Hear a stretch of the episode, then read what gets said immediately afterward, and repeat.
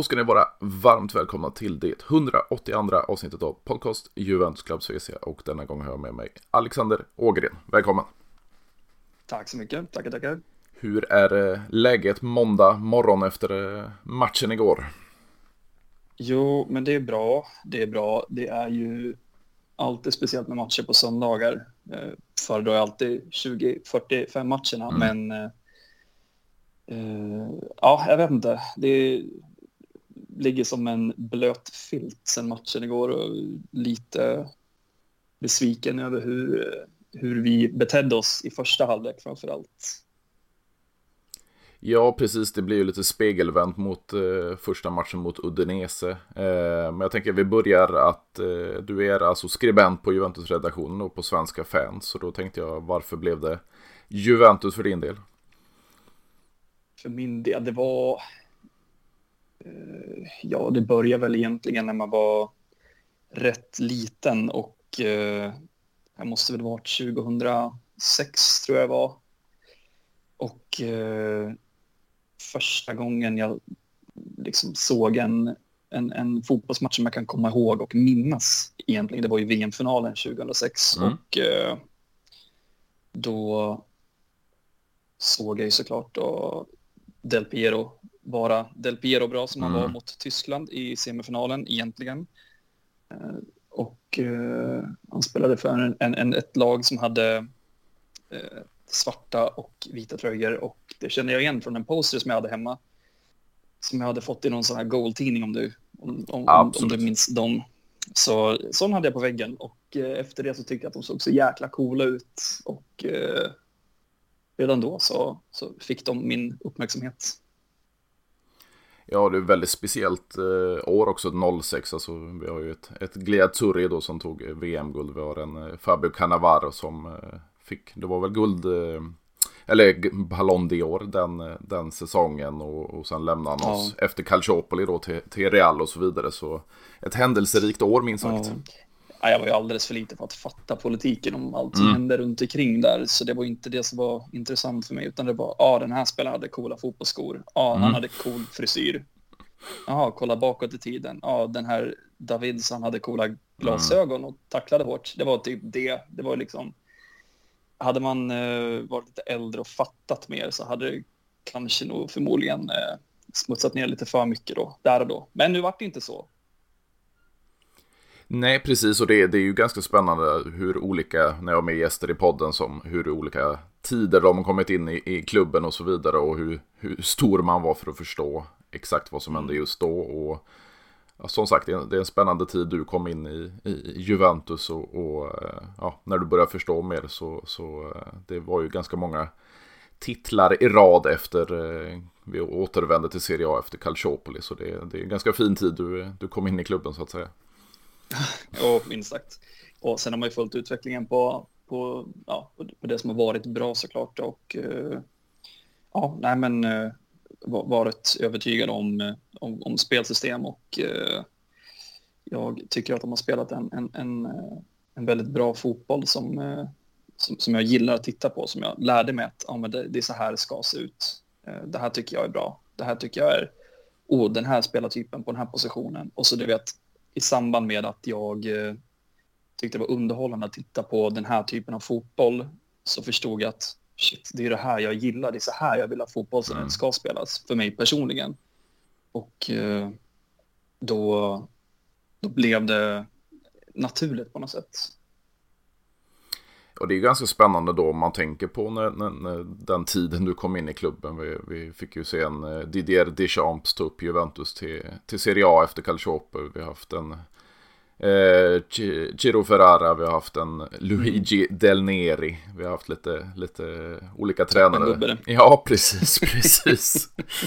Och sedan då en stor, eh, stor framgång med, med Antonio Conte och, och dagens Max Allegri. Och sen, eh, ja, det blev ju en, en Sarri och det blev en Pirlo och sen en återkomst av, av Allegri. Och då är det intressant att höra din syn på det hela. Du säger att du, du du vande dig vid ett, vid ett spelsätt hos Juventus och du, du börjar gilla hur man, hur man spelar mm. och, och spelar på olika positioner. Hur har din syn på Juventus sett ut under då när, när Conte tog över och, och blev Allegri och så vidare? Ja, det var ju egentligen Conte som jag kände att ja, men här har vi en tränare som kommer kunna ta det här manskapet och göra till sin eh, stentuffa ja, men, eh, attack och pressfotboll som jag tyckte var väldigt, väldigt eh, eh, ja, men giftig så att mm. säga. Och så blev det ju så att eh, jag vet inte, det, det kändes som att det bara, alla bitar bara föll på plats när Conte ändå kom in och eh, gav massa resultat. Sen har ju Allegri, har jag tyckt om väldigt, väldigt mycket också givetvis. Eh, han, eh, jag tycker att han har en väldigt spännande retorik. Han sitter och pratar i intervjuer och när man hör honom från träningsanläggningen prata. Och eh, han har eh, ett sorts tonläge som, jag vet inte, det, det träffar rätt och det kändes rätt. Eh, ja, hans, hans första vända där då. Mm. Eh, den andra har inte blivit eh, lika lyckad uppenbarligen, men det är ju flera komponenter som, som räknas in där självklart. Men eh, ja, nej, jag säger egentligen från 2012 så känner jag att eh, Juventus har eh, anammat det hela, det som jag tycker är en bra fotboll på ett, på ett perfekt sätt. Pol ja, politiken bortsett såklart, från, mm. från allt ifrån Agnelli till till allt annat där. Och vad tänker du kring, kring det här? Vi hade ju en, en, som du nämner, en Andrea Angeli då på presidentposten från 2010 och fram till, till i fjol. Eh, mm. och, och, det är ju fortfarande familjen Angeli, Elkan, som äger klubben. Eh, mm. Så det, det, finns ju ett ägarskap. Vad, vad, vad, tycker du att Andrea Angeli lämnar efter sig eh, med, med, allt han har gjort för klubben och, och slutet av avancera så att säga? ja, det, det känns nästan lite bottenlöst att, att börja skrapa i det. Då lär vi nog sitta här ett tag. Mm. Men eh, allting som han har gjort, allting som hans familj har gjort och eh, ja, herregud, det, det är ju, det går ju knappt att sätta ord på vad mycket det har betytt och alla framgångar som de ändå har bringat Juventus i, i all den här tiden. Eh, så när det väl kom att det blev aktuellt att han skulle kliva åt sidan så var det ju inte direkt någon... Eh, det kändes som ett dåligt eh, breakup med någons flickvän nästan. Det mm. kändes som att ja, men det här, synd att det blev så här. Det var inte så här det skulle sluta. Och eh, trist att man inte kunde förvalta, att de inte lyckades förvalta affärerna bättre. Eh, som, som ledde upp till den här röran som, som vi fick se. Ja, precis. Och det, det, det känns ju så. Alltså, jag har varit inne på det i tidigare avsnitt. Att när vi, vi gör om hela styrelsen från, från president, vicepresident och, och vd och så vidare. Vi, vi tar in en av Italiens mest framträdande sportchefer och, och eh, mm. gör en ganska stor förändring i truppen. Även fast vi inte har tagit in så många så, så har man ju gjort ganska många försäljningar och utlån och så vidare. Men man återstartar inte på tränarposten. Vad, vad tror du det har att göra med att, att Allegri fortfarande har ett förtroende eller att eh, ja, löneposten är alldeles för, för hög fortfarande? Ja, det är ju bara dåliga affärer. Det är ju, man har ju egentligen pratat om att sen typ 2015 vill jag minnas att eh, Jo, just det, precis 2015 och samma säsong som när man förlorade mot Barcelona i Champions League-finalen mm. där, att man pratade om att ja, men eh, från och med nu så är det bara Champions League som som spelar någon roll. Det är det enda målet som vi kommer ha. Eh, allting annat kommer komma. Det är Champions League, det ska vinnas, det ska vinnas, det ska vinnas, det ska och så vidare och så vidare. Och så har det inte... Eh, det var ju Allegri som satt på, på eh, tronen då så att säga. Eh, jag vet inte, jag tror att man bara har haft eh, svårt att ta sig vidare ifrån det. Framförallt så har det inte kommit någon det har ju, det har ju funnits en del eh, fotbollstränare som har kommit upp och varit på uppstuds, men det känns inte som att det har varit något som har varit aktuellt för att plocka in i ett Juventus vars DNA då, som, som ska vara, ja, men man, man, är en vinnare om man gör si och så. Det, det, är liksom, eh, det finns en kultur här som, som säger att vi ska vinna. Liten, eh, man gjorde en liten avstickare om att ta in Sarri som inte hade vunnit speciellt, ja, ingenting alls egentligen när han anlände till, till klubben. Eh, och eh, det känns som att man kanske gjorde ett felbeslut att ta in honom då. Man gick emot sig själv lite grann. Mm. Eller fel beslut kanske inte jag ska prata. Det vart ju inte bra nu med facit i hand, men det, det är klart det kändes spännande där och då. Men eh, det är en spelare, eller en tränare som inte har vunnit. Och eh, ja, nej, det kändes som att man lämnade sitt, sitt DNA lite grann och sen eh, blev det tyvärr som det blev och eh, man tar in Pirlo. Det vart inte heller bra alls i huvudtaget. Eh, och nu tillbaka till Allegri, pang igenom ett bra kontrakt för eh, ja, det kanske inte ens var någonting som Allegri trodde på till 100 procent heller från början. Att mm. ta över det här projektet som, som var efter allt skit som har varit och eh, kommer in efter pandemin, under pandemin.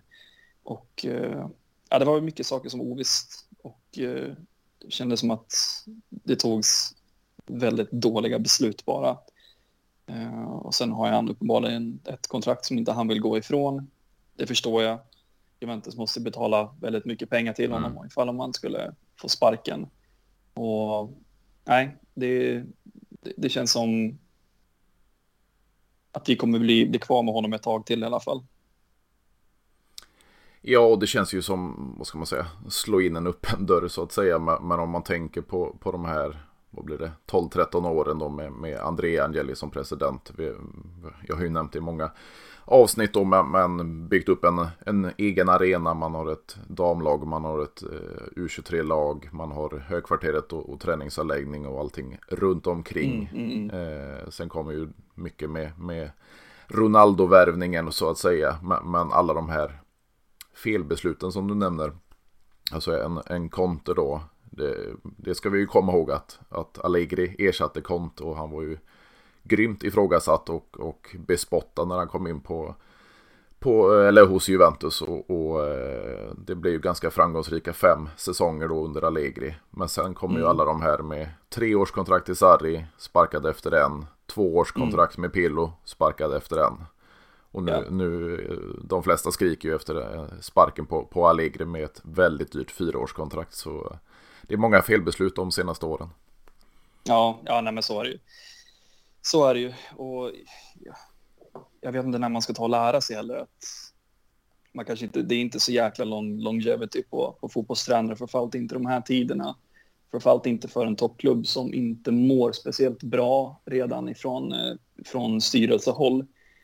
Ja, jag menar tyvärr så blir det ju ofta så att fotbollen återspeglar sig hur, hur klimatet i själva föreningen ser ut ofta. Så får de fan ta och lägga av med nu känner jag. Mm. Fram till nästa tränare så känns det som att kanske borde försöka lära sig av sina misstag som man har gjort och eh, börja titta på andra vägar istället. Och vad tänker du där? Alltså vi, vi, har, vi kommer ju åtminstone få se en Allegri säsongen ut. Eh, men mm. framtiden, vad, vad tänker du på tränarposten? Jag tänker att jag vill gärna ha, det känns som att fotbollen nu för tiden rör sig åt det håll som ja, det känns som att det är mer tempo, det är högre, allting går så mycket fortare och det ska inte vara så, vi behöver inte ha eh, ja, men, eh, en, en, taktik som säger att vi ska spela bollen från den sidan till den sidan till den spelaren tillbaka till den och sen ska vi anfalla utan det känns som att man börjar luta mer och mer åt att det ska gå så pass mycket fortare och utnyttja speed och du vet, mm. eh, ska inte behöva kladda på bollen för mycket. Som en spelare som exempelvis då, Leandro Paredes, mm. förra säsongen då, fick lida ganska mycket av för att hans tempo är ju inte jättebra. Han är betydligt bättre med bollen och eh, ett lag som har possession, men det mm, fick inte alls ut mycket av hans spelegenskaper, exempelvis då. Mm. Så då tänker jag spontant att det hade inte varit helt fel att titta åt ett håll åt de yngre tränarna. Säg typ en eh, Gilardino som gjorde jättebra med Genoa. Titta lite grann på dem förra säsongen mm. de hade ju ett ursinnigt högt tempo. De ska orka spela mer matcher än vad de gör i Serie A dessutom. Eh, de såg bra ut. Jag tycker att eh, Paladinos Monza såg också mm. jätte, jättebra ut förra säsongen. Eh, och andra sidan så finns det ju, ska man blicka åt ett annat håll, ett annat land. Du har ju Tyskland, finns det väldigt många unga tränare som ser, eh, som ser väldigt spännande ut eh, och eh, implementerar verkligen det här att det ska gå lite snabbare. utnyttja det som vi faktiskt är bra på och inte ja, men kladda så pass mycket med bollen som dagens Juventus. Förra säsongens Juventus, förra, förra säsongens Juventus, mm. förra, förra, förra säsongen har gjort. Så jag vet inte, jag, jag, jag skulle gärna vilja se en lite mer fart, typ en Conte i en 2016-fart. Mm. Jo, men det är ju en intressant tanke för, för alltså, om man tänker Juventus spel genom tiden om man tänker modern fotboll. Det, det, det är ju inte riktigt att det klaffar i dagsläget, men det är ju även en anpassningsperiod så att säga. Om du tittar på, på vad mm. sportchef Cristiano Giuntoli eh, arbetade med i, i, Napoli. Nu är det en, ja. annan, en annan piazza, men, men jag menar där att värva talanger som, som ingen annan egentligen har kollat på och ersätta nyckelspelare med det gång på gång på gång. Det är ju ett sätt som man kan arbeta på i Juventus också. Även fast det kanske inte är, är klubbens historia så att säga. Men då måste du även anpassa en tränare efter de här moderna spelarna. Mm. Och, och, det kommer ju ta sin tid med en klubb som Juventus att anpassa sig till detta också. Ja, nej men precis. Och egentligen frågan för mig har ju varit hur lång tid det kommer ta det här. Mm. Eh, tittar man på Napoli förra säsongen så gjorde ju de lite av en rejäl rockad. Mm. Man släppte ganska viktiga, vad som ansågs vara viktiga spelare som satt på dyra löneposter sålde man ju eh, in med eh, spelare som man har fiskat upp från, ja, gud vet vad. Mm. Nu gick det ju jättebra för dem och allting klaffade ju rätt. Och sen är det såklart att det, det är mer än bara eh, talangfulla spelare som ska, som ska sköta det här och, och, och göra, göra det bra såklart. Men eh, jag vet inte, jag, jag ser gärna att man kanske tar lite mer tid. Det känns som att man kanske borde ta och presentera en plan och säga att ja, men nu är det här vägen vi kommer gå. Och så kör vi på det. Och sen om det går åt helvete en och en halv, två säsonger innan man kommer på rätt bana, ja men låt det gå då. Jag har i alla fall tålamod för det. Det jag inte har tålamod för längre, det är just den här jävla ovissheten som har varit och man har ju, man kommunicerar ju knappt och det är, det är svårt att veta vad man har om tittar man på en fotbollsmatch så vill man gärna få något svar. Men nu har det sett väldigt dåligt ut spelmässigt i tre, fyra säsonger i rad och det känns som att vi inte är på väg någonstans riktigt utan ja, ja nej, jag, jag skulle bara vilja ha en tränare som inte sitter på ett alltför långt kontrakt eller för hög lönepost. Sen är ju det väldigt svårt att hitta mm, såklart. Mm. Men, eh, och som, som tillåts eh, göra en plan och eh, göra sitt bästa för att fullfölja den planen. Så vill jag att han har alla bakom ryggen. Ursäkta om min katt ja, absolut, ingen fara. Men eh, ja, nej, jag, jag vet inte. Jag, jag, skulle bara vilja ha en tydlig plan för, för den här föreningen som det, det är någonting jag saknar i alla fall. Så en tränare med fart och en plan och eh, tålamod.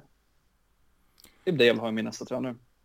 Ja, och det känns ju dessutom om man, man tänker eh, Juventus-supportrar överlag just nu. Det känns ju inte som alltså, vi har fått se ett, ett, ett Milan, ett Inter och vi har fått se ett Napoli vinna nu eh, titlarna. Och, och, när vi inte har något Europaspel så att inte ta scudetton denna säsongen, det, det känns väldigt bortkastad eh, chans för, för att, att, göra något bra den här säsongen. Men, men mm. ingen känns säker med Max Allegri på, på tränarposten i dagsläget.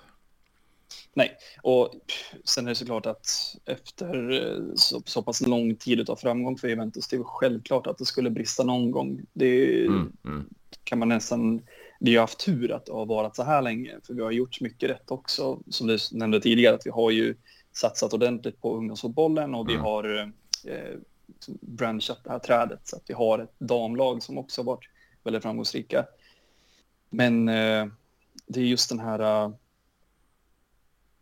typer, alltså det är den här mellanperioden som är just nu som jag tycker är eh, har varit nästan lite för länge och den har varit planlös. Så ja, nej, det är tålamodet börjar såklart tryta på fler än bara dig och mig antar jag. Så att eh, det, det måste till, till med någon mer tydlighet ska jag vilja ha.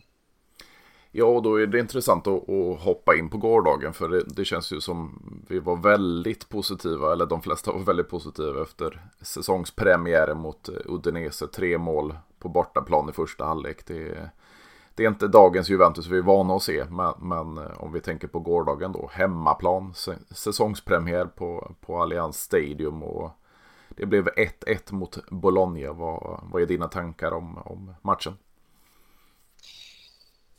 Ja, alltså det kändes ju ungefär som att tog vi ett steg framåt i premiärmatchen så tog vi väl ungefär två steg bakåt mm. efter den här matchen. Och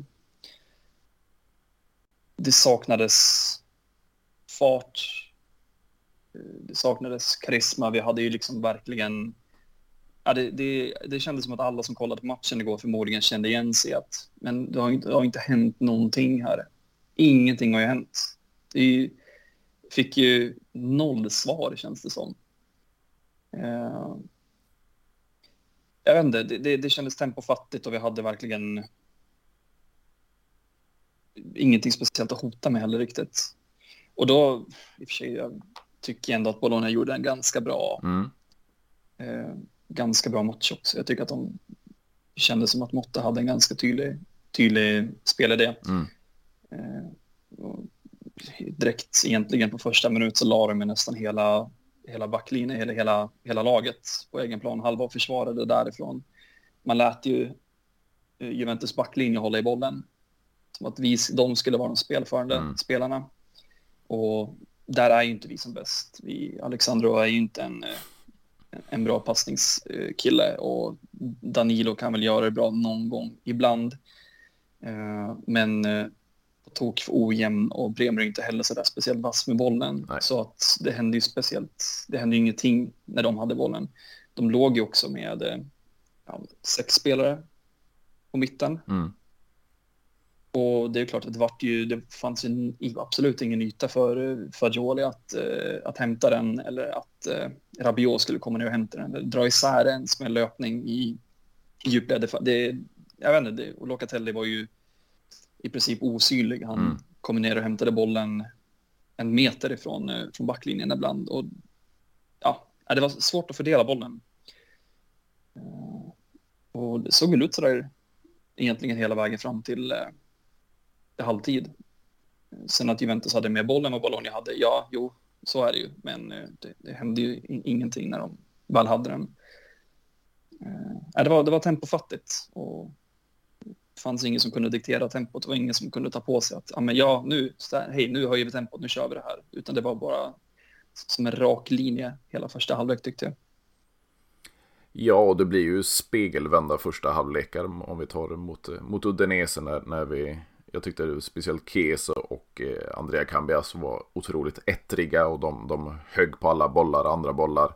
Det var hög press från, från start och, och eh, um, Udinese hade ju mer eller mindre ingen chans. Men tittar vi på gårdagen då så var det precis tvärtom.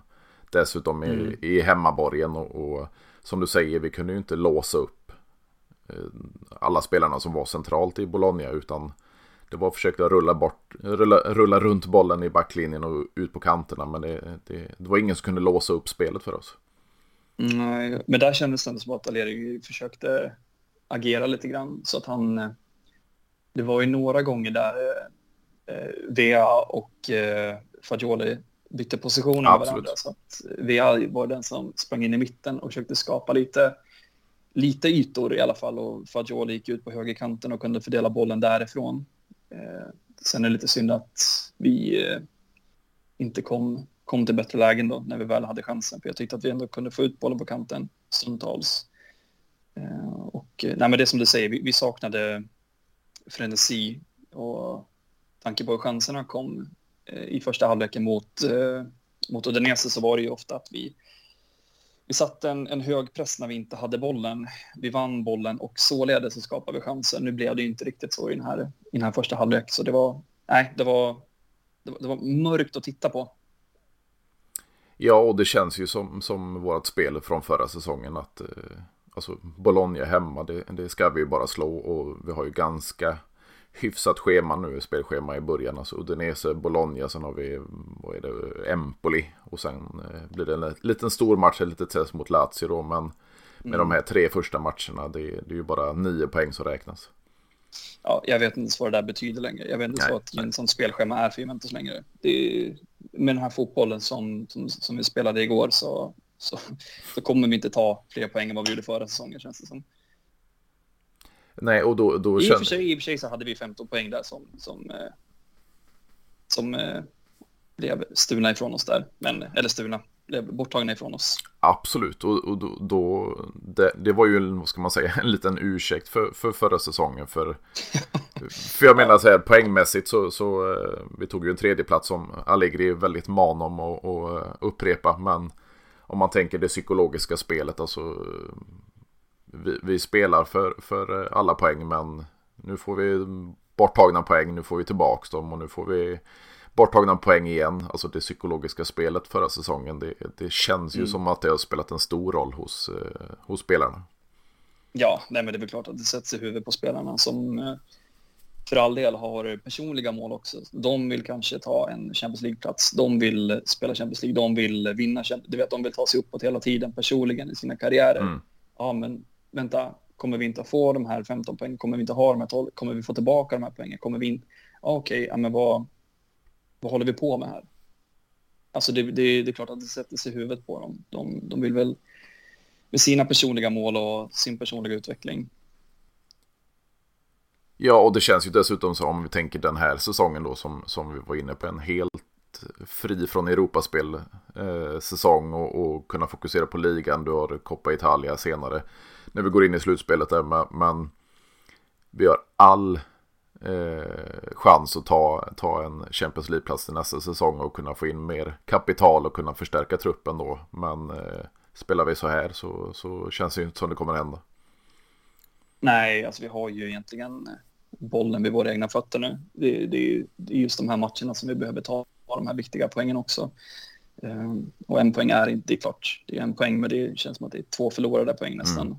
Um, framförallt när vi hade den här vågen som vi, som vi, som vi kom in med inför den här matchen efter förra veckans match. Då. Eh, så ja, det, det känns som att man eh, i Juventus fall så brukar jag ofta kunna vara ja, ja, men det gör väl ingenting att det ser lite sådär ut i spelet. Eh, början på säsongen, första tre, fyra matcherna. Men eh, känslan är ju att den här säsongen så måste man, måste man vara påkopplad från start. Man har inte råd. Ja, alltså vi vill ha svar. Vi vill se att det är en typ av utveckling som är på väg att ske. Vi vill se att det händer någonting sportsligt. Vi vill se att spelet funkar. Funkar spelet, ja men då kommer poängen komma också. Mm. Men eh, nej, väldigt missnöjd efter gårdagens prestation. Om vi tänker på, på det lilla positiva, eller man ska säga. Vi har fått se en, en eh, Dusan Vlaovic göra mål två raka matcher. Visserligen en straff i, i, i, första matchen, men nu fick han göra två mål och ett bortdömt då. Eh, mm. Att Serben kommer igång, det är ju A och O för, för, för hans egen del och, och för Juventus del. Speciellt med alla ja, flyttrykten då och bytesrykten med, med Romelu mm. Lukaku. Ja. ja, nej, jag tycker det är dumheter att man ska ens eh, titta åt det hållet mm. från, från Juventus håll. Det är, jag har jättesvårt att lasta en, en spelare som Vlahovic, en anfallare i det här Juventus, en klubb som inte har mått speciellt bra. Och mår, som jag sa tidigare, mår inte klubben bra så mår inte laget bra, så då ser det inte bra ut heller. Sen att han eh, missar chanser lite här och där. Ja, man kan ju argumentera för att det är ganska många chanser han missar också. Men eh, det är form. Det är form. Jag är inte orolig för att han kommer komma tillbaka i form. Och straffmål eller ej, det är fortfarande ett mål som räknas. Det är fortfarande han som får jubla. Det är hans namn som står på, på matchrapporten sen, att det var han som gjorde mål. Eh, och ibland så kan han behöva lite, lite tid bara. Det är ju som sagt, han, eh, han haft en bra start på den här säsongen. Jag tror att han kommer komma in i det här. Men då krävs det också att Juventus spelar bättre fotboll och en anfallsinriktad fotboll. Eh, kanske passar honom jättebra att ha lite mer högre press. Att, eh, att hugga på de här bollarna, att vinna andra bollarna, att kanske under en period nu ha lite mer omställningsspel som kanske passar honom bra. För han är också väldigt stark i djupled. Så ju fler chanser han får, desto mer självförtroende kommer han få. Och eh, sen är inte jag orolig för att bollarna kommer sitta, för det tror jag verkligen. Det är en fantastisk anfallare. Ja, och det man tänker med, med, med serben det är ju att han är ju egentligen inte involverad i, i spelet speciellt mycket. Han är måltjuv, han är en eh, bra djupled som du säger, en bra targetspelare, men han ingår ju inte i spelet särskilt mycket. Det gjorde han ju inte i, i Fiorentina heller, men, men fungerar inte övriga spelet och vi inte har någon kreativitet på mittfältet och då är det inte konstigt att bollarna inte sitter och som du säger med, med ett lag som inte mår bra, hans självförtroende är inte på topp. Då gör han inte skitmålen heller. Nej, och jag, alltså jag tänker typ att en, en anfallare som är i form, som inte är involverad i spelet, ja, men han kommer kanske göra in ja, men fyra, fem mål. Han står på rätt ställe mm. egentligen och bara mm. petar in den, tar någon retur. Eh, bollen studsar lite rätt. Det, sånt kommer ju komma såklart, men då måste Juventus också fungera. Och det behöver inte vara att det ska se jättebra ut i 90 minuter, utan det kan räcka med att exempelvis en, ett bra inlägg från Cambiasso eller från eh, Via eller Fagioli eller det är någon spelare som gör en, en, en öppnande löpning som skapar kanske den här ytan då för, för Vlahovic. Men eh, mm, jag, jag, jag har höga förväntningar på den här säsongen och jag tror att det kommer lossna också. Och tänker jag att Morkesa bra kommer Vlahovic mm. också må bra. Så ja. Vad, vad tänker du där kring den här anfallsuppsättningen? Dels ett, ett 3-5-2 då eh, med Kes och Vlaovic uppe på topp. Vad, vad tänker du mm. kring dels formationen och sen att eh, Kesa då får, får agera släpande anfallare istället för ytter? Jag är ju egentligen en, en, en sucker för 3-5-2. Jag tycker det är en, en, en uppställning som passar Juventus. Passar det truppen idag? Ja, det gör det väl. Och spelare för spelare på varje position så känns det som att det är en uppställning som passar, passar varenda spelare också med eh, de taktiska direktiven som finns. Att eh, när vi inte har bollen, ja, men då ska vi ju fungera som eh, fembackslinje och vi ska ligga i linje. Sen ja, tappar vi ju såklart då, ja, ett, om man tittar på Bolognas 0-1 mål så mm. gjorde ju de eh, Ferguson kom ju i en väldigt bra position mellan Rabiot och eh, Alexandro. Alexandro är sen upp på, på Ferguson. Ferguson spelar bollen vidare och innan Alexandro ens har kommit upp på honom så är han förbisprungen. Mm. Och Cambiasso är bolltittande och faller inte in på Sandros position så att det blir en ordentligt stor lucka där. Och Jo, vart fan var vi? Jo, just det, precis. Eh, vi har tre man i mittfält. Locatelli är ju lite, lite sittande. Mm. Ska ju fungera som någon typ av motor och dessutom ska han ju såklart hjälpa till då i försvaret när det krävs. Eh, han kommer också lite för ofta tycker jag ur position. Han, han har lätt att hamna åt sidorna. Eh, för mycket i, i sidled. Eh, men eh, Fagioli tycker jag är en fantastiskt bra spelare. Jag tycker att han är en otrolig talang som vi, som vi kan förvalta på, på ett ännu bättre sätt. Jag tycker att han har för lite boll. Det är en mm. spelare som ska ha bollen vid fötterna och eh, eh, ja, men, låta honom... Han, han, kan skapa ytor från ingenting genom antingen en bra passning eller att han, eh, han är kvick på att eh, slå sig förbi sin första press. Eh, så, och Rabiot, jätte... Jag gillar den positionen på mittfältet. Att han har fria tyglar att springa fram och vara med i anfallsspelet. Eh, oavsett om det är ett, in, ett inlägg från, herregud, halva planen eller om man, eh, ja, om, om ska rulla utanför straffområdet så har han ändå alla möjligheter att kunna ta sig framåt. Och våra wingbacks eller yttrar eller vad vi vill kalla dem. Mm. Eh, ja, vi, jag saknar de här evighetsmotorerna som vi haft tidigare år. Eh, men eh, Ja, nej jag vet inte. Det, jag tycker att Wea har börjat ganska pikt faktiskt. Och mm. Väldigt positiv. Jag har inte sett honom jättemycket när han spelar i Lille. Nej. Men eh, jag tycker att han eh, lovar ganska mycket i alla fall så här på, på, på förhand tycker jag. Jo, men det känns ju ändå så här om man tar de här winbacks som vi har med, med Andrea Cambiasso då som fick vara kvar den här säsongen och tagit eh, kanske framförallt Kostic eh, plats på, på vänsterflanken då. Och sen eh, Wea då på, på högerflanken. Det känns som amerikanen är, är formbar så att säga. Han, han är inte mm. färdig. Han, inte, han har inte spetskvalitet utan han är väldigt formbar och kan, kan anpassa sig. Han kan ju spela på båda flankerna likt vad, vad Cambias också kan.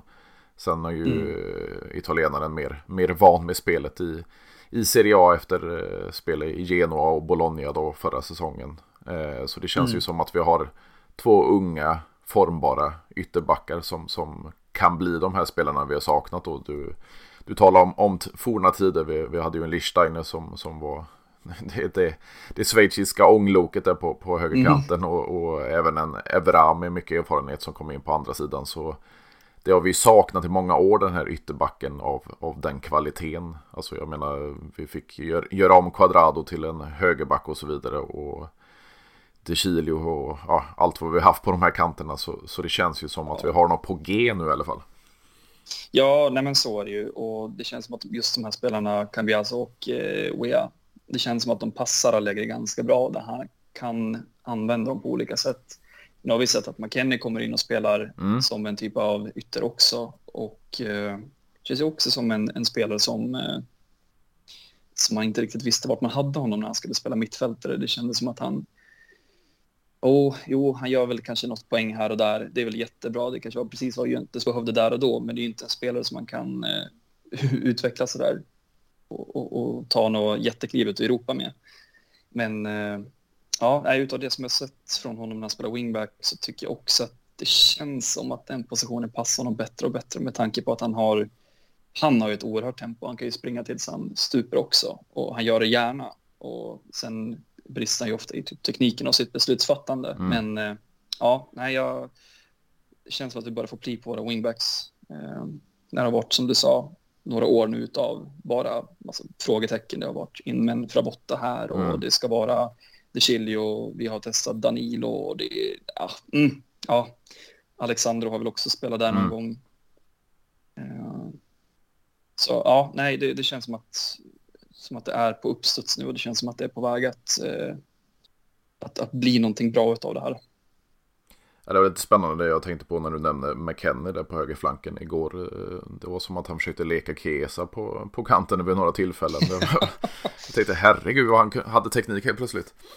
Ja, precis. Men det kändes också som den här typiska Kesa-tekniken. Mm, att mm. han kanske inte har hundra koll på vad bollen är hela tiden. Men på något sätt, Kesa är den här typen av spelare, kanske McKennie också, att mm. uh, har den här förmågan att få med sig bollen oavsett hur fan han gör att den bara liksom följer med på något sätt. Så ja, vi får se. Man såg ut att vara på, på, på tårna igår och hoppas att han kanske kan eh, ja, anamma den här rollen som, som högerytter eller wingback nu den här säsongen. Ja, för det känns ju spännande. Vi har ju ändå, alltså kanske framförallt offensivt då på flankerna, men, men Illing Junior som kom in och gjorde assisten till, till Vlahovic igår och, och han är ju mm snabb, eh, kvick i, i spelet och, och, teknik och bra inlägg och så vidare. Vi har en, en Kostic där bakom då som jag, jag kritiserar, även fast det var många assist förra säsongen. Det, det, han, han kör på krossen i alla tillfällen så, så jag, jag var lite halvtrött på mm. honom efter säsongen men nu, nu har han ju blivit omsprungen då av två spelare så det känns ju mm. som vi har sparkapital. Solé ska väl därifrån, Kajejor ska därifrån och så vidare men, men vi har ändå sparkapital på, på flankerna också. Ja, precis. Och sen vet inte jag om jag vill säga att Kostic lämnar redan nu eller om vi ska ha kvar honom i truppen. För jag tror ju ändå att det finns ju någonting där såklart att hämta, men mm. det är ju inte riktigt en Cambiasso. Det känns som att Kostic inte har det här. Eh, det som jag vill se, det här är lite mer... Det känns som att han, han väldigt sällan gör en tempohöjning eller att han kan liksom diktera spelet utifrån sin fot. Sen gör han det, försöker göra det i alla fall och eh, sju gånger av tio så blir det ingenting av sitt inlägg, men han ska slå det där jävla inlägget i alla fall, känns det som. Mm. Eh, så ja, nej, jag vet inte, det, det, kan vara bra avlastning också. För jag alltså, efter den här starten från Cambiasso så vill jag gärna se honom fortsätta spela. Skulle Cambiasso kanske inte vara tillgänglig, ja, men då vill jag nästan testa Eh, att se kanske Wea spela där eller en McKennie på den positionen. Eh, så ja, nej, jag... Men det känns som att jag vill ha kvar Kostic i truppen i alla fall. Han mm. kan nog vara användbar på något sätt. Ja, vi får ju se dessutom. Vi har ju ännu mer yngre spelare. Vi fick ju se Enzo Baranechea gå på lån till, till Frosinone. Och det kan ju bli samma klubb då för både Solé och eh, Jorge. Men vi har ju en Hans Nicoloso Caviglia. Vi har fortfarande lånerykten kring Fabio Meretti. Mm. Eh, sen har vi kommit underifrån då. Fick se igår med med Kinan Gildis och vi har en Dean Höysen som satt på bänken igår till, till backlinjen. Så det är, det är många talanger kvar även fast en hel del verkar gå på lån. Ja, jag vet inte riktigt vad man ska göra av allihopa. Det känns som att Allegri får ta och bestämma sig snart hur han vill göra. Mm. Ska han ha kvar de här spelarna som ska sitta på bänken, göra tio minuter här, göra och sen sitta på bänken i tre matcher och sen ska han eh, ja, men, spela fem minuter den där matchen. Det känns som att de inte riktigt fyller något syfte riktigt. Sen har jag bara väldigt, väldigt, efter den här försäsongen så är jag väldigt svårt att tro att Alexandro fortfarande är bättre än vad mm. Höjsen är. Jag kan inte tro att Sandro är bättre än vad Höjsen är. Jag tror inte på det bara. Men eh, att vi har så mycket talang. Sen kanske inte... Sen förstår jag att de kanske är lite valpiga fortfarande. Mm. Titta på en spelare som Fagiol exempelvis behövde ta ett lån för att etablera sig lite mm. mer Miretti förra säsongen. Ja, men det fanns ju tydliga intentioner på att han eh, att det finns mycket boll i honom. Och jag tror säkert i framtiden att han kanske till och med har större potential än vad Fagioli har. Vi, vi, får väl se. Men eh, skicka den spelaren då. Jag honom, alltså låt honom gå på lån till eh, ett Serie B-lag eller typ eh, ett Genoa där han kanske kan eh, spela i alla fall 20 matcher och få ordentligt med speltid och eh, låta honom utvecklas. Sen har vi Frabotta såg jag lämnade ju nyss igen på lån. Jajamän. Eller om det var, var det försäljning kanske? Nej, det var lån med köpoption till lån. Bari. Ja, till Bari.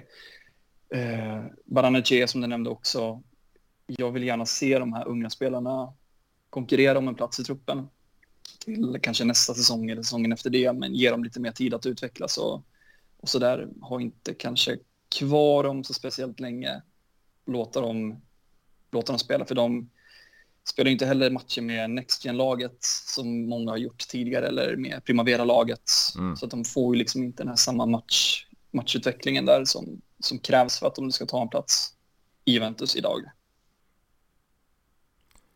Nej, och det känns ju som om vi tar backlinjen där. Vi, har, vi, har, vi kommer ju säkert ha under säsongen Danilo, Alexandro, Bremer där. Men Gatti har inte fått spela än. Eh, vi har, vi har Höjsen som vi nämnde. Vi har en Rugani som värmde upp när, när vet det, Bremer var det väl som fick en smäll där. Eh, mm. och, och, en Bonucci då som, som fryses ut från truppen. Så, så eh, att han ja, prompt ska köra med Alexandro, det, det, det är nog få som förstår. Jo, så är det ju. Men sen har ju inte heller, Allegro har ju inte riktigt, eh, det känns jättetydligt att han inte tror på Rugani och inte gjort det på Nej. två säsonger. Eh, och jag vet inte vad, vad riktigt ska ta in där. Är det Höjsen som ska få chansen? Ja, men ge det nu från start då. Mm, det, det, känns som ett slöseri med tid att han ska sitta och uh, sitta på bänken Medan Alexander går in och gör de här prestationerna som han har gjort alldeles för länge nu. Ja, absolut. Eh, så ja, nej, jag igen, jag vill gärna ha lite mer tydlighet från, från hans från Allegris sida där med vilka som ska spela. Är det en så jävla dålig idé att peta in, sätta in Bonucci? Jag vet inte.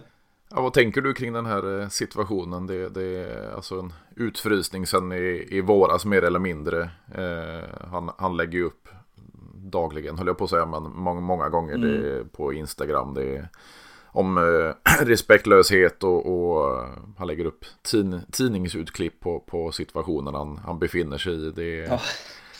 ja, jag såg det. Det, det är Lazio, det är Genoa, det är Union Berlin. Ja, vad, vad säger man om hela den här såpan? Ja, jag vet inte var man ska börja riktigt, men eh, så som jag har förstått det så har det inte funnits någon tydlig plan riktigt inför den här säsongen om hur man skulle gå tillväga. Nej. Eller har du hört någonting annat eller? Nej, nej. Nej. Nej, och vi vet ju inte riktigt vad som sägs bakom stängda dörrar. Men eh, jag tänker att om man, om man inte kan ta det som en helt vanlig petning, för det är kanske det det måste... Jag antar att det är det som man lägger grunder i hela i, att han inte är tillräckligt bra. Mm. Ja, men då, vad fan ska han gå ut och gnälla för då? Då är det ju så. Då får han väl jobba hårdare och kan han inte jobba hårdare, men då finns det ingen annan utväg för honom. Och sen det här med att han beter sig som en 22-åring som vill Mm. bort från, eh, från, från sitt mittenlag i, eh, i någon liten sämre liga. Ja, det får ju stå för honom helt och hållet, men han hjälper inte situationen överhuvudtaget. Och det känns som att flera har lättare att vända, vända ryggen till Bonucci nu eh, i den situationen som han är i. Med tanke då på att han eh, gjorde den här eh, märkliga sessionen i Milan också Mm, mm. Och, eh, och levde på det. Eh, där han också betedde sig ganska respektlöst. Eh, vi fåtalet gånger, mot, framförallt när han spelade mot Juventus och det skulle vara fyra när han gjorde mål och Mm. det var, ja, nej, jag, om jag hade varit Bonucci i hans situation så hade jag nog kanske försökt lösa det på ett annat sätt än att springa runt på, på Instagram och sociala medier och, och tycka att han är orättvist behandlad. Ja, jag menar det. Alltså, jag förstår ju att det, det, det är stora egon vi har att, jobba med så att säga. Men, men jag menar om vi, jag tror jag jämförde det i, i förra avsnittet också, det här med, med Chiellini Bonucci. Alltså Chiellini insåg ju att han, han håller inte en hel säsong och, och det bästa vore för han att att göra ett sista eh, äventyr någon annanstans i världen och, och eh, inte betynga Juventus för att han inte kan spela och, och tjäna pengar på det. Eh, jag tycker ju att Bonucci borde se sig själv i spegeln och, och ta samma beslut. Sen så blir det ju extremt tråkigt, alltså en spelare som har spelat så många matcher för klubben och, och så vidare får, får lämna på det här sättet. Men som du är inne på, eh, det här med, med respektlöshet, det, det ska jag väl inte, knappast han snacka om.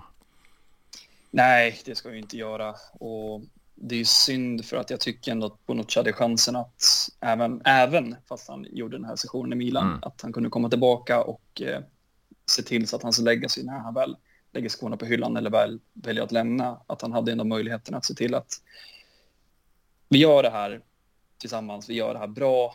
Eh, Jag kommer vara den här personen, jag behöver vara den här personen för att eh, jag är skyldig det här till eh, både till föreningen och fansen, men till mig själv och du vet sådär. Mm. Tittar man på en Barzagli när han väl började tappa tempo och du vet, eh, inte lika bra spelmässigt, då sa ju han det ganska tidigt i intervjuer att jag vet inte hur länge jag kommer hålla, det, det tar på kroppen, det tar Mm. på resten av truppen att jag ska springa här och inte utvecklas längre. Eh, vi tittar redan nu på andra roller som jag kan eh, som jag kan excellera i och vara bättre på.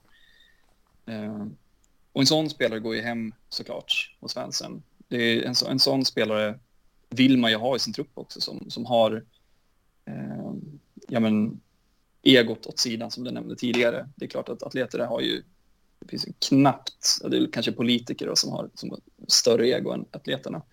Men eh, att de, de har ändå is i magen att kunna säga att ja, men det här är det bästa för den här situationen, det här är bästa för mig, det här är bästa för klubben. Jag älskar den här klubben. Jag lever för den här klubben. Det här är det bästa sättet att gå. Bonucci gör ju inte det och det är ju liksom det är synd. Det är synd för hans, hans arv som han lämnar efter sig. Det är ja, det, det är trist. Det är begravningsstämning när jag tänker på det. Mm.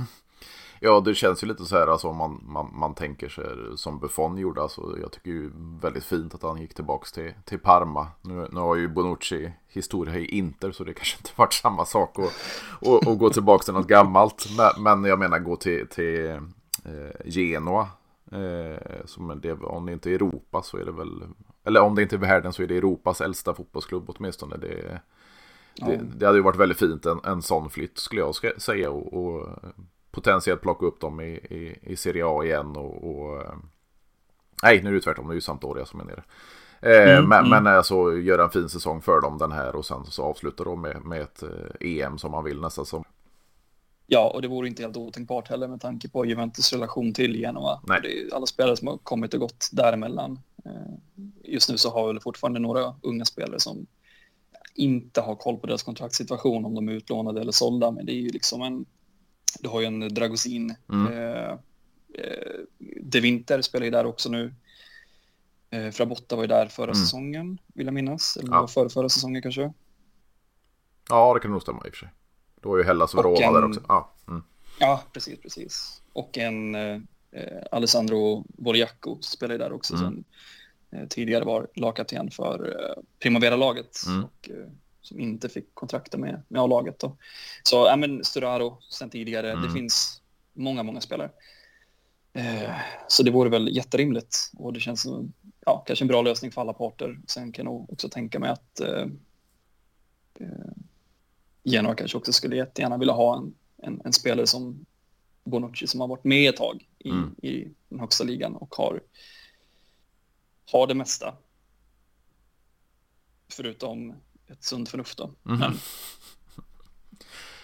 Ja, det, det, känns ju lite så här om man, man tänker Juventus eh, transferstrategi den här säsongen. Det när, när det börjar lägga sig kring ett, eh, ett byte då med, med Vlaovic Lukaku och att eh, Kesa vill, vill stanna i klubben och, och, potentiellt förlänga kontraktet och så vidare så, så har man ju istället då gjort sig av med, med lite talanger och, och eh, eh lite dödkött och så vidare. Men, men, när man gjorde den här affären med, med Lazio ganska nyligen att okej, okay, Luca Pellegrini det är väl inga, inga konstigheter men, men, att man även skickar Nicolo Rovella då som, som i mångas mening skulle vara den, den nya registern i, i Juventus. Mm. Men eh, vad, vad tänker du?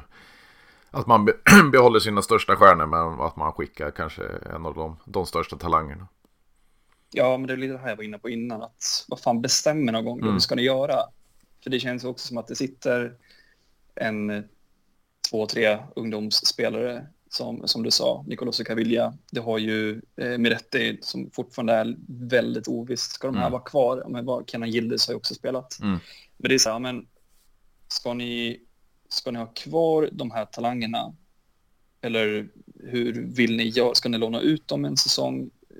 Rovella är väl på två års lån nu? Ja, precis. Med tvingande option om eh, når vissa, vissa villkor då. Ja, och vad fan är det för jävla kontrakt att mm. ge ut? Mm. Eller varför, varför hamnar man i den här situationen? Framförallt när Rovella står för den eh, fjolårssäsong som han gör jätte, jättebra. Han kändes, jag tittar på några matcher och han kändes verkligen etablerad. Det kändes som att han har inte något problem att spela. Han klarar av den här nivån. Var, var, var, varför ska vi skeppa bort honom och ha kvar mm. den här truppen som inte presterar bättre? Om inte annat så är det väl jättebra spelare att ha i truppen som ändå kan utmana och eh, konkurrera. För jag tror att har du en konkurrenskraftig trupp på träningarna, ja, men det tvingar ju de bästa spelarna att höja sig ytterligare. Så ja, det, det är jättekonstigt hanterat bara. Och det känns som att det, det inte finns någon riktig röd tråd i det hela. Ja, det känns ju så när vi, vi hade ju Luca Pellegrini på, på lån i Lazio förra säsongen och, och då var det en köpoption på 15. Eh, sen mm. så sjönk kraven till 8-9 och sen blev, hamnade väl på 4-5. Så jag ja, menar, hur, ja, om de, Lazio verkligen vill ha kvar eh, ytterbacken så, så är det väl bara att punga ut de pengarna som Juventus kräver. Men eh, ja, det har man eh, förhandlat ner ganska kraftigt. Ja, precis. Och nu på senare år så har ju Juventus inte gjort så tvärbra affärer direkt. Nej. Det är ju det är allt ifrån Ramsey till McKennie. Till, ja, det är ju spelare in i och för sig då, men sen ja, några spelar ut dessutom på det då som man inte kunnat bibehålla.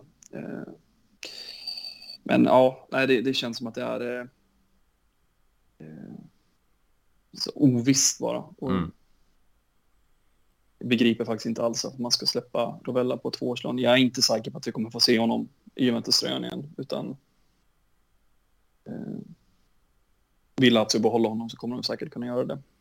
Ja, det var ju lite nu de senaste dagarna också. Det, det, var en intervju med honom först. Så jag har alltid drömt om att spela för Lazio, bla bla bla. Och sen fick han en fråga några dagar senare om ja, Juventus tvinga bort honom eller om det var han själv som ville lämna och ja. det vill han inte svara på. Och, och sen den här typiska avföljningen av, av klubben på om det var Instagram eller Twitter eller vad det nu var.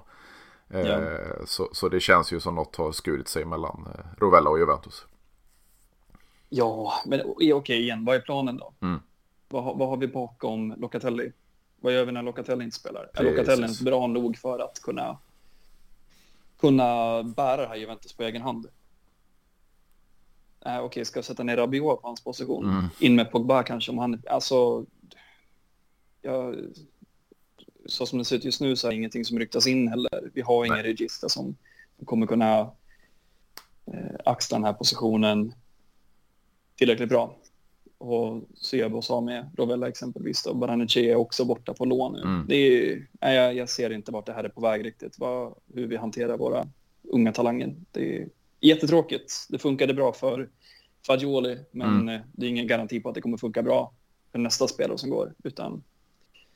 Men eh, sen tror jag att det är nyttigt som sagt med att de får gå iväg och spela. Men det känns ju som att det är så ruttet hanterat bara och det, det känns som att nästan lite planlöst. Ja, och sen känns det ju som jag var inne på i början där med, med det här återstart. Man, man tar in Cristiano Junteli och, och eh, han är ju även nere, kanske inte lika väl som, som eh, Ralf Rangnick när han är nere i, i småpojkslagen och, och, och kollar på spelarna och kollar Mm. på, på en hel klubb kanske. Men, men eh, Knacka på dagis.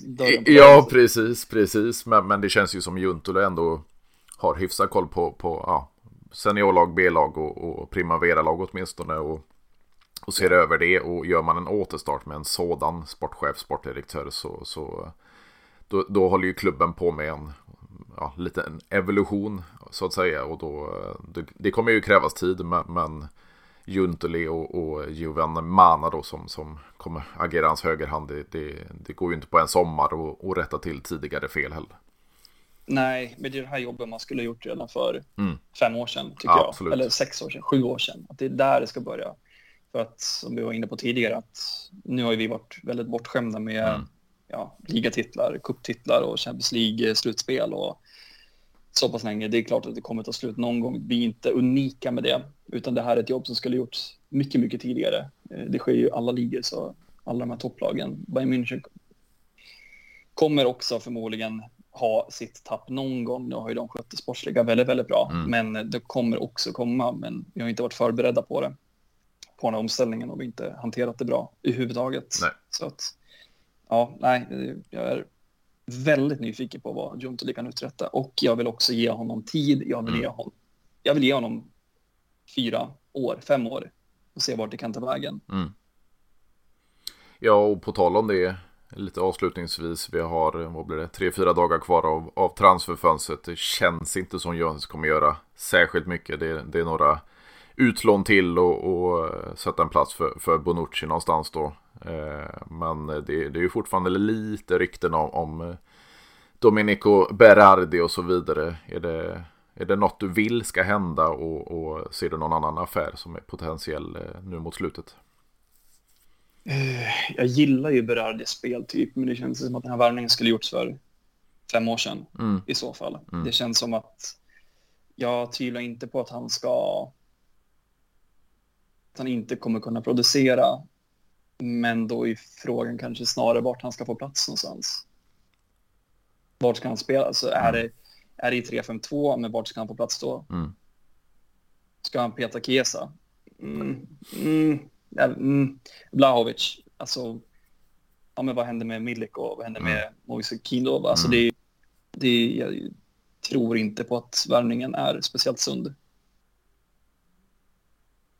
Och vad tänker du kring nämnda eh, Keen också? Det, det var ju en hel del flyktrykten. Det var, det var Milan, det var Sevilla, det var Fulham och så vidare. Eh, många jag läser på, på, på sidan i kommentarerna där det är en del som skickar han direkt och en del som han är fortfarande ung och, och har potential fortfarande. Vad, vad står du kring Moise Kean? Ja, det är ju en talang som jag dragit nytta av när han väl kom upp där när han var ung. Mm. Och hans debutsäsong lovar ju också ganska mycket. Du vet, det var snabbt och det var, Mm. det var... Han kunde göra en tempohöjning från ingenstans egentligen och göra sin gubbe och avsluta. Eh, och kvaliteterna finns ju kvar, men eh, inte säker på att han är rätt gubbe. Sen hoppas jag på honom. Jag tror Mm. att han, han har ju mycket fotboll i sig, men jag vet inte om det är just nu som det är. aktuellt. Det är fan en spelare som jag kan skicka ut på tvåårslån någonstans. Mm. Mm. Men eh, ja, jag vet inte. En del av mig säger att jag hoppas att han kommer kunna vara stor för Juventus en dag. Men jag tror inte att det är nu som det är aktuellt. Det känns inte som att det är nu han ska höja Juventus ytterligare, utan um, jag ser honom gärna komma tillbaka till Juventus en dag. Ja, det känns ju lite som om vi tänker på, på dagens Juventus. Nu har han haft lite skadekänningar och så vidare. Men, men ett 3-5-2 och Kesa anses vara en av anfallarna. Eh, så, han, så han, det känns som man hoppar ner i rangordningen också med en Milik som kom in igår till exempel. Eh, pla ja. Platserna blir inte större för honom där framme. Nej, och Allegro också bestämt sig för att han vill köra med en prima punta mm. längst fram, en nia som, ska, som är en typ av targetspelare som är stark, som kan ta duellerna. Och medan Moise Keane lägger väl ut grejer på Instagram så fort han gör en överstegsfint. Och ja, jag, jag, tror inte att Moise Keane är den spelare som ska, som ska ta en plats i, i startelvan under den här säsongen. Nej, vi, där är vi grymt överens ska jag säga. Och, och, det känns ju som han har fått chans på chans nu och inte tagit den. Och, och som jag varit inne på i många avsnitt, han, han känns vilsen. Han, han känns inte som han har en riktning i spelet och så vidare. Och, och ja, men det, det är ju självförtroendet också. Det, det är ju likt med mm. Vlahovic där, men, men eh, någon gång måste han ta sig tillbaka också. Och, och yngre blir han inte heller. Nej, och sen kan det också vara en, en produkt av att Juventus inte har mått bra. Nej hade Juventus varit strålande och varit inne på sin, vadå, trettonde raka ligatitel. Mm, ja, men, mm. Hej, vem fan vet. Men eh, nu med facit i hand så känns det som att eh, Keen kanske inte är den spelare som ska konkurrera om en plats eh, när det finns stora dyra kontrakt på, på både Vlahovic och Milik och en Berardi som kanske är på vägen. Mm. Inte för att jag tror att han kommer jag tror knappt att han kommer komma ens. Det, jag vet inte riktigt vad Juventus behöver nu ens, men jag tror inte att det är en Berardi i alla fall. Nej, det känns inte så det kommer hända något, något större de här sista dagarna. Det är som sagt att bli av med lite, med lite talanger på lån kanske möjligtvis. Men, men eh, i övrigt så tror jag inte så mycket kommer, eh, kommer det hända de sista dagarna. Nej, och vi får säkert ta och vänta till, till januari innan det kommer mm. hända någonting. Eh, men det kanske är tydligare då att se vad man faktiskt behöver och lite beroende på vad man är i ligan och hur man, eh hur man mår som sportsligt. Då. Men eh, jag ser gärna att det kommer in en, en, en annan typ av spelare. Ett, en mittback hade ju mm. inte varit fyskam. Synd att det inte blev Pau Torres mm. som istället gick till Aston Villa tror jag det var. Ajma. Eh, men eh, ja, centrala mittfältare. Uppenbarligen så behöver vi, vi en till registra mm. och jag vet inte ifall om det som jag tänker det är om man ska titta inhemskt så finns det ju en del spelare som jag tycker är eh, absolut på tapeten som borde kunna eh, ta en plats i Juventus och det har ju Matteo Pessina tycker jag är jättebra i Monza, jätte, mm. jättebra. Eh, jag tycker att eh, Stefano Sensi har ju varit superbra för Monza också. Eh, nu är han tillbaka i Inter. Eh, får se om han kommer vara tillgänglig för ett lån. Men eh, annars så har jag en annan ung talang som jag tycker är ganska duktig som jag kan se som en register i Juventus. Så det är... Eh, nu är han... Eh, eh, ja, har han ett kontrakt med Lazio då. Han heter mm. Nicolo Rovella. Mm, precis. nej men ju mer jag tänker på det, desto mer frustrerad blir jag av att vi, vi inte kan förvalta det här på ett bättre sätt. Mm. Så, ja. Nej, men jag, jag, jag, jag känner din frustration och jag tror det är många som är där. Sen kom det ju fram lite sådär om man ser statistik från, från säsongen i Monza. Han, han gjorde en riktigt bra säsong, men sen är det lite skadebekymmer också som, som spelar in och så vidare. Men, men eh, ja, man har ju haft många skadedrabbade spelare i truppen, så, så han hade ju inte varit den första.